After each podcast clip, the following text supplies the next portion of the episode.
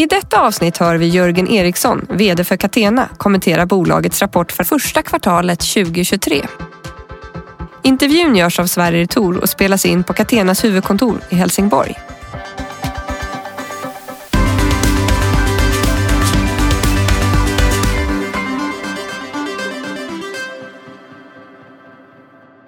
Då säger vi hej och välkomna tillbaka till kvartalet. Och hej Jörgen Eriksson, Hej Sverige! VD på Catena.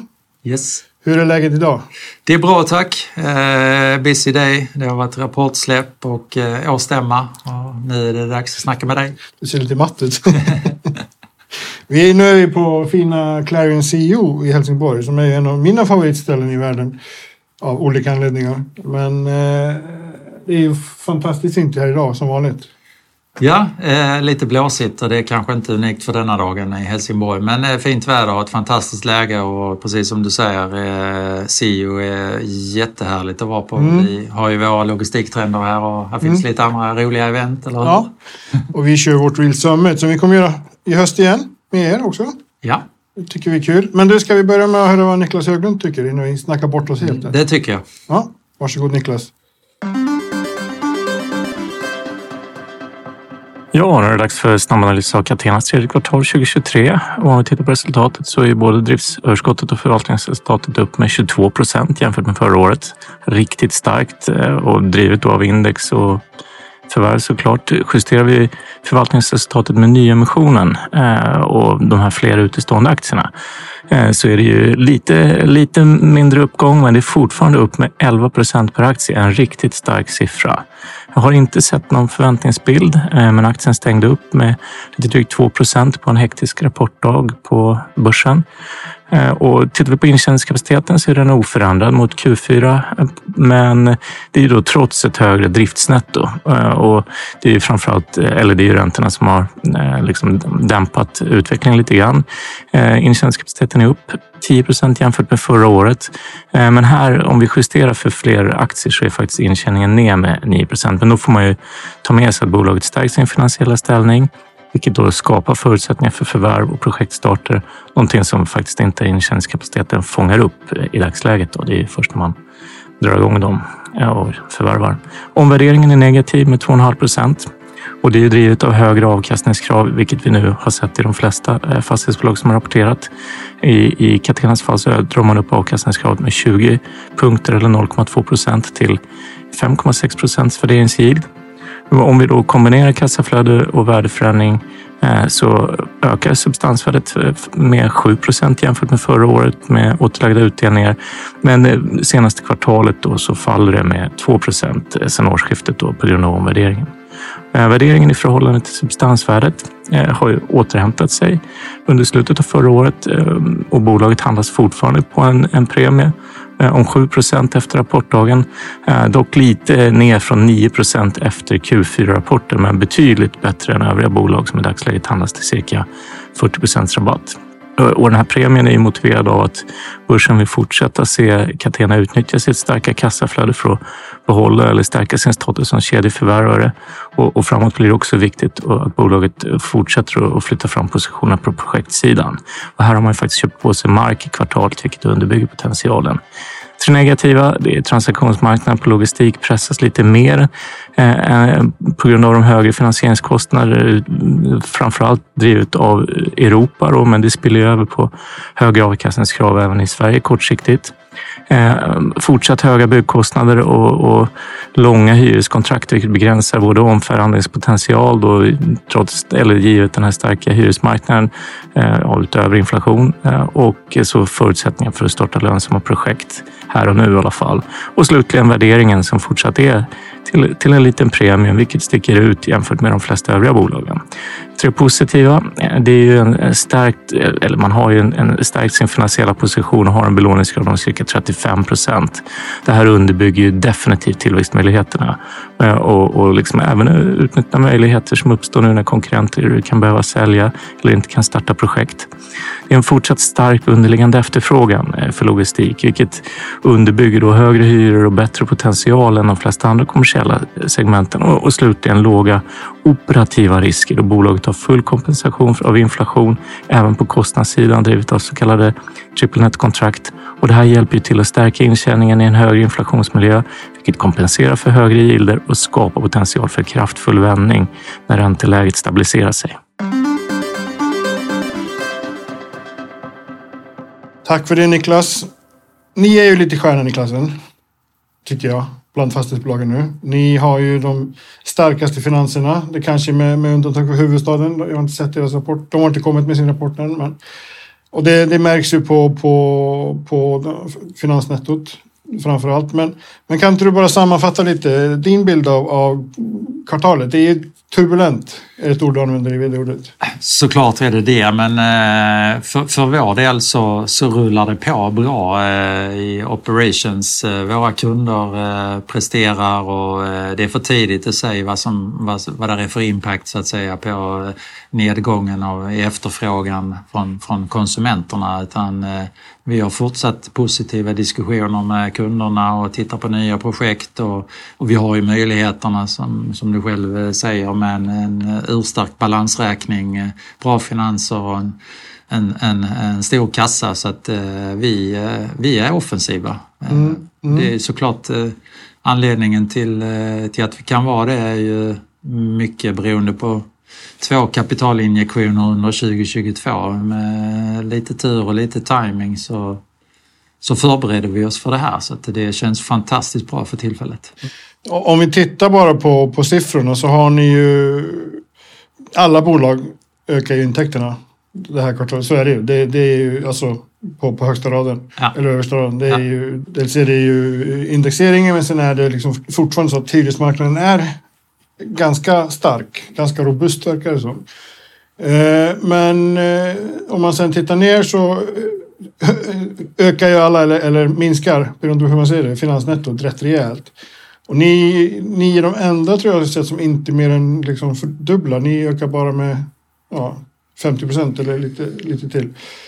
Eh, nej, lite mindre till och med, 5 procent. Ja, eh, och det är framförallt på grund av den här att ni har pengar på banken, eller? Ja men precis. Dels så eh, nu för tiden så får man ju lite ränta på inlånat kapital. Så, så det är ju en del och så har vi kunnat eh, använda en del av likviditeten också till våra projekt. Vi har kanske inte behövt låna upp så mycket pengar som, som vissa hade eh, räknat på.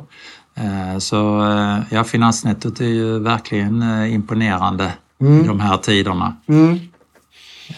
Eh, och ni har inte jättemycket. Eh, ni har ju lite förfall på, på horisonten dock, men inte jättemycket. Det har ni råd med gissar Ja, och eh, väldigt positiva tongångar om man eh, tänker på de svenska bankerna och där måste vi nog vara ett av deras eh, toppicks vad det gäller att låna ut mer pengar. Mm. Eh, och det är ju såklart, de gör sin eh, analys och tittar på våra metrics och de, de är ju starka. Mm. Eh, bankerna vill ju såklart göra business och tjäna pengar. Mm. Eh, mm. Och då väljer de gärna att gå med oss. Mm. För ni har ju två obligationsförfall ja. i år va? Ja, eh, mm. men sen den stora inom vårt eget MTN-program är inte förrän 2025. Okay. Så att det, det, kan ju hända ganska mycket till dess. SFF har vi under året här. Okay. Eh, men det det är hanterbart så att säga. Okay. Och, eh, SFF är ju också som så att det är säkerställda eh, eh, lån så att de går ju lätt att swappa över till, till, till bankerna så att säga. Men ni, ni, ni amorterar inte dem? Nej, utan vi vill ju som jag sa innan växa så att vi, vi ser gärna att vi får behålla den låneportföljen okay. vi har. Okay. Okay. Eh, hur ser, om vi, om vi pratar lite tillväxt, för det är ju, du, du nämner ju det, ni har, ni har ju pengar på banken, 1,6 miljarder fick ni i, i höstas i en riktad emission till, till ett gäng huvudägare. Eh, ni har köpt lite redan. Eh, vad har ni mer på agendan, horisonten? Jag, du behöver inte nämna några objekt, men, men hur ser liksom Ja, vi, Hur ser det ut framöver? Alltså? Eh, vi guidade ju marknaden eh, i samband med emissionen att vi skulle fokusera på förvärv Eh, kanske en miljard egna nya projekt på vår landbank med en miljard och energiinvesteringar upp till en halv miljard. Mm. Den resan har vi ju påbörjat så vi, vi har ju som intention att hålla det vi eh, lovar och vi är på god väg. Vi har förvärvat av eh, ICA-fastigheter för en halv miljard. Mm. De tillträdde vi i februari så de är ju med nu en del i, i resultaträkningen. Eh, vi eh, pressmeddelade här nu i veckan ett nytt projekt på nästan 400 miljoner uppe i, i Jönköping tillsammans mm. med No Waste. Mm. Fantastiskt roligt att få gå hand i hand med dem på en ny marknad. De har ju till dags dato hållit sig i Helsingborg. Mm. Mm. Det ligger helt i linje med vårt tänk att utöka affären med existerande partners. Mm. Eh, vad det gäller energiinvesteringar så har vi börjat att eh, investera i batterilösningar och i, i solceller. Eh, väntar väl fortfarande på de här riktigt stora eh, casen. Det beror rätt så mycket på eh, utredningar och hur eh, taken eh, mår i form av hållfasthet och eh, bärighet och sen så är det försäkringslösningar som ska på plats och sen är det en dialog med energibolagen och det är kanske den som tar längst tid. Eh, så att det, det ser Det låter jobbigt allt det där. Ja, men det är ju den jobbiga delen men eh, vi ser ju också slutmålet som är fantastiskt eh, både i form av lönsamhet men även för att nå våra hållbarhetsmål. Mm, Så att, eh, mm. Det kanske tar lite längre tid än vi hade hoppats men eh, vi kommer att lyckas. När tror du att ni... Ja, spaden i marken uppe på taket är svårt att prata om men, men när, när tror ni att ni är igång liksom på riktigt där? Kan säga det är en ledtid på minst sex månader från en beställning till en leverans på ett, ett, en stor solcellsanläggning. Eh, så jag återigen hänvisar till energibolagen. När kan de ha sina utredningar klara och när kan de ha fixat rätt eh, tjocklek på kabeln till våra mm. anläggningar? Säg 6 till 12 månader. Om 12 månader skulle jag säga då har vi en, en hel del i uh, up and running. Okay. Utan att nämna några siffror. Okej, okay. Okay. Eh, sen ska ju elen gå någonstans och då pratar ni ju batterilösningar. Ja, det, det, är ju en del i det hela och det är kanske mer på, på längre sikt men vi ser ju ett koncept med att eh, fånga in energin på taket. Eh, antingen så använder våra kunder det i huset, överskott kan gå ut på, på spotmarknaden eller så kan vi spara det i, i batterier. Eh, vi kommer också använda batterierna för att sälja frekvensstöd till, till Svenska kraftnät. Så att där, där finns många olika användningsområden. Man kan jobba med peak shaving, alltså att man tar effekttopparna. Eh, har man själv... Nu börjar du prata som en riktig nörd. Ja, ja men lite så. Det, detta har jag ju såklart fått lära mig för jag är ju ekonom. Ja. Mm. Eh, så att, men eh, eh, där någonstans, så långt är jag ju med att eh, om det är eh, våra kunder som har ett antal effekttoppar på ett, på ett år så får man betala väldigt mycket pengar för att klara av de topparna. Mm. Och där skulle man kunna ta, kapa de topparna med form av våra batterilösningar. Mm. Mm. Det är en del. En annan är som vi slarvigt kallar det för att fultanka, att eh, eh, köpa in eh, el på natten när den är väldigt billig på spotmarknaden och sen sälja tillbaka den under produktionstid. Där är ju rätt så schysst delta däremellan. Mm. Så eh, väldigt spännande. Då är gränsen till att vara energibolag kanske lite mer suddig, ja, vi, vi... suddig än, snarare än för fastighetsbolag som producerar på taket? Eh, vi kommer ju vara en eh, elhandelsleverantör aktat eh, om vi gör det eller ej. För bara att, att eh, storskaligt producera på taket gör mm. att vi får redovisa energiskatt precis som eh, till exempel Öresundskraft gör här i stan. Okej. Okay, okay. eh, har ni någon eh, batterikoncept, eh, batterilösning att ni kan ha det i husen eller att det står på, på parkeringen, höll på att säga. Mm. Eller har ni liksom, kommer ni köra stora batteriparker? Ni kör ju ändå lite logistikkluster där ni är. Precis. Det är, det är olika setup. Eh, större batterier eh, brukar levereras i en containerlösning. Och eh, det är inte ovanligt att det finns ett antal containrar på våra lastgårdar så att mm. Eh, det kan vara en lösning. Min, så min, en, i mängden att säga? Exakt, eh, som man dockar till alla kablar. En annan lösning är att de är inne i en del av anläggningen och kanske till samma rum som truckladdningen är eller någonting sånt. Det, här är också en del försäkringsfrågor och brandskyddsfrågor att lösa. Spännande. Det blir väldigt spännande att se. Ni, det känns som att ni blir lite marknadsledande här på, på fastighetssidan. Men vi har fått eh, feedback på att vi är väl bland de eh, första som, som försöker satsa lite mer. Men vi ser ju det här som eh, ett eh, fantastiskt erbjudande för våra kunder framåtriktat när allt fler lastbilar ska, ska laddas. Mm. Eh, Så att det kan ju bli en eh, konkurrensfördel vad det lider. Kan det leda till högre hyror, liksom att nu, nu kapar vi er elkostnad, men får ni betala mer till oss? Liksom? Ja, så jag skulle väl säga att det blir en, någon form av paketlösning. Sen Okej. om du Okej. tar betalt för gungorna eller för karusellen, det kan kvitta. Mm. Ni har ju ett förvaltningsresultat som stiger med 22 procent för kvartalet. Eh, Och vi har ju ett vi har pratat om, ni har ju mycket, ja, apropå kapa topparna, räntetopparna, så har ni ju löst det på, på ett bra sätt också.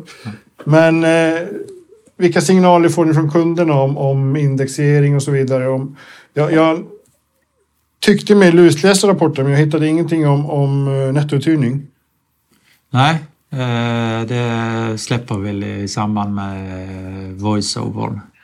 Okej. Men däremot apropå pushbacks från hyresgäster så det är klart att det har varit en del diskussioner med liksom, hur ska vi, varför ska vi ta 11 procent, det är inte normalt och så vidare. Nej, det, det kan man ju förstå. Eh, samtidigt så, så är det ju betydligt högre finansieringskostnader när vi ska låna nya pengar. Så det måste vi mitigera på något sätt. Eh, att en läsare sen av årsredovisningen ser att ja, vårt förvaltningsresultat har ju stigit med 22 procent i absoluta tal. Vi har ju också då, som vi pratade om innan, tagit in, stämplat upp fler aktier så det, det är ju en utspädning också. Mm. Visst, vårt förvaltningsresultat har stigit lite grann per aktie också. Det är ju otroligt positivt för det är inte alla bolag som fixar det idag. Nej. Du nämner ju att det, det kommer att finnas i rapporten, du nämner att det kommer, kommer att, eller ni ser en del spännande möjligheter som kommer komma ut på marknaden. Eh, nu har det ju varit en del aktivitet på logistiksidan och ni har ju själva varit i, i farten. Men tror du att det kommer bli liksom ett, ska man säga, ett större prisfall eh, på, på logistikfastigheter eller, eller hur stabilt står det?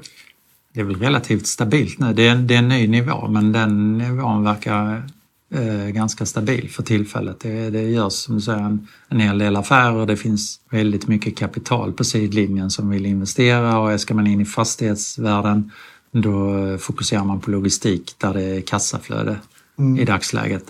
Så jag tänker att vi har rätt svårt för att konkurrera med de stora drakarna på en, på en öppen marknad utan då får det bli lite sådana om jag får kalla det ICA-förvärv som går lite snabbt och där man har en existerande partner.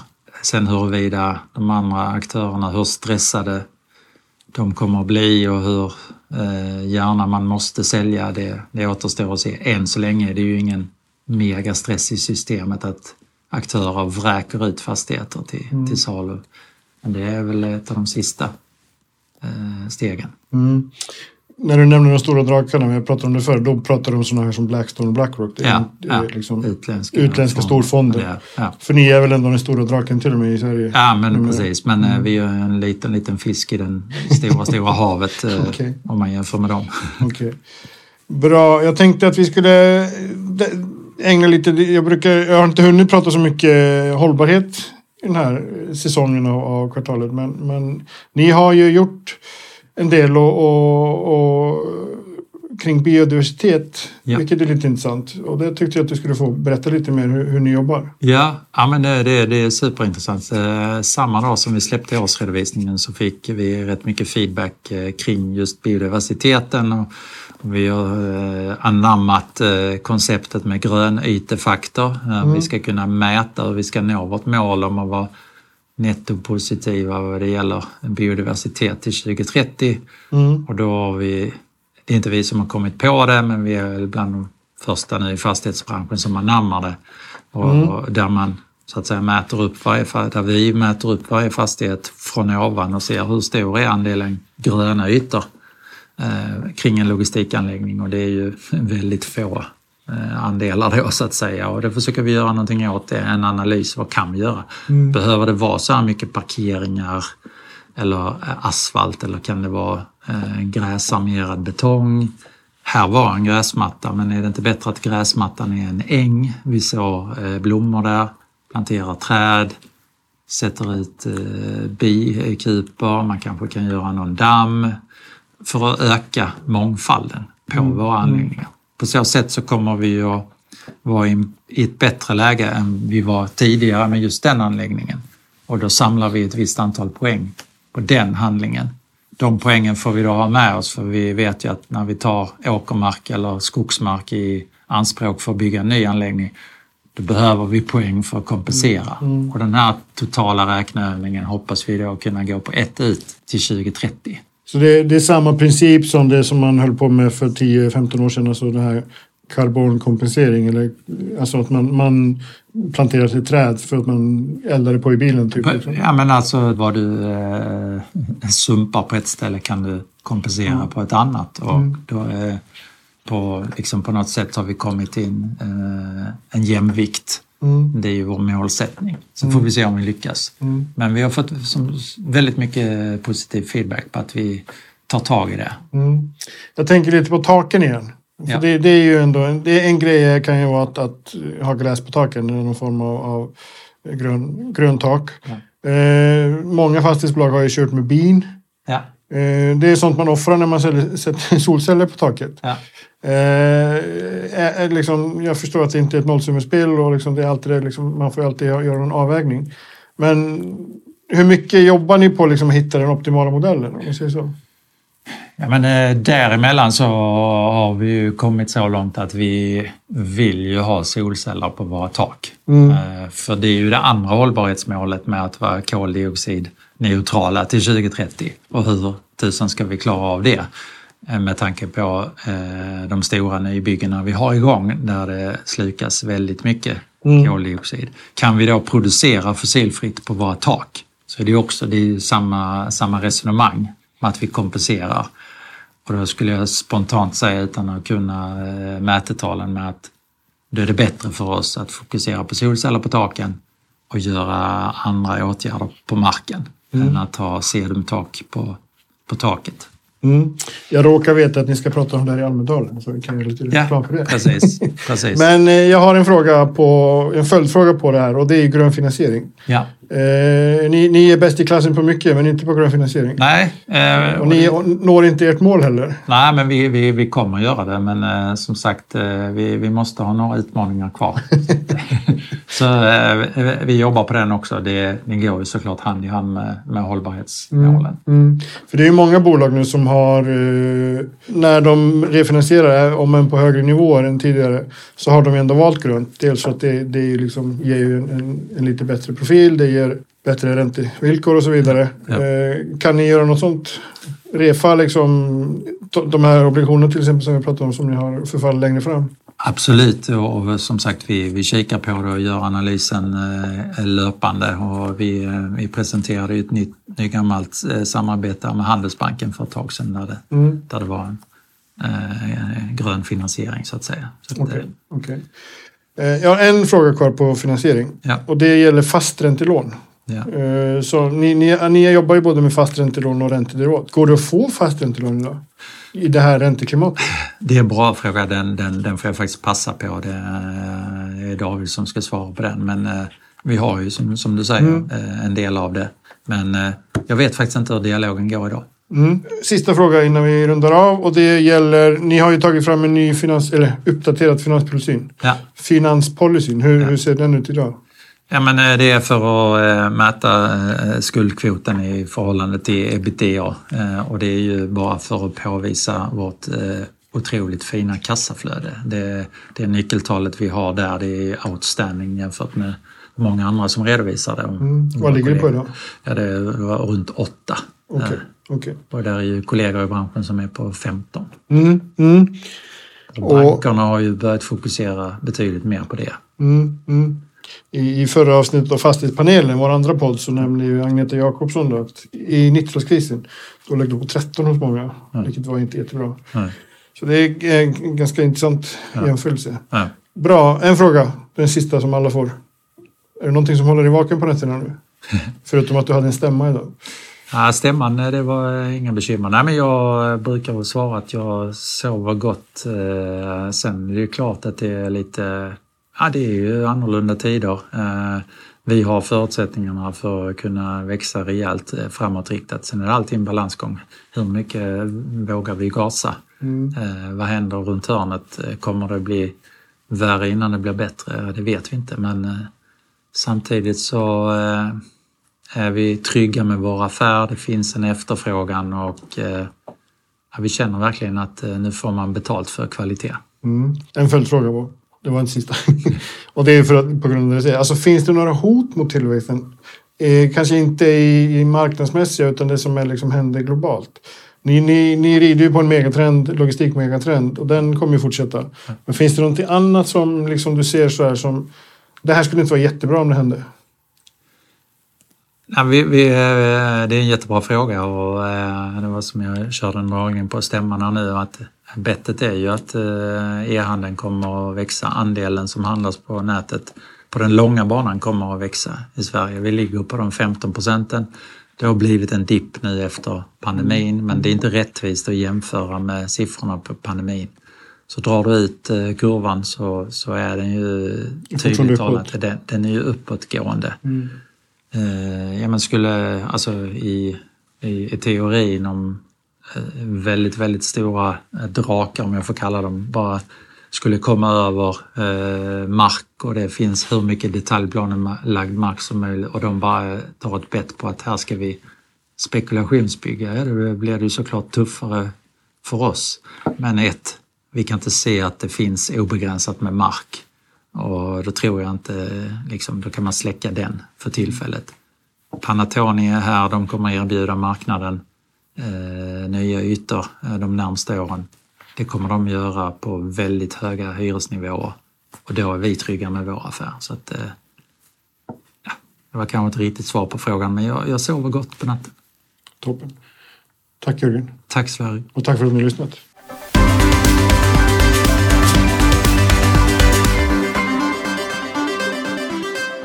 Det här programmet görs på Beppo. Beppo.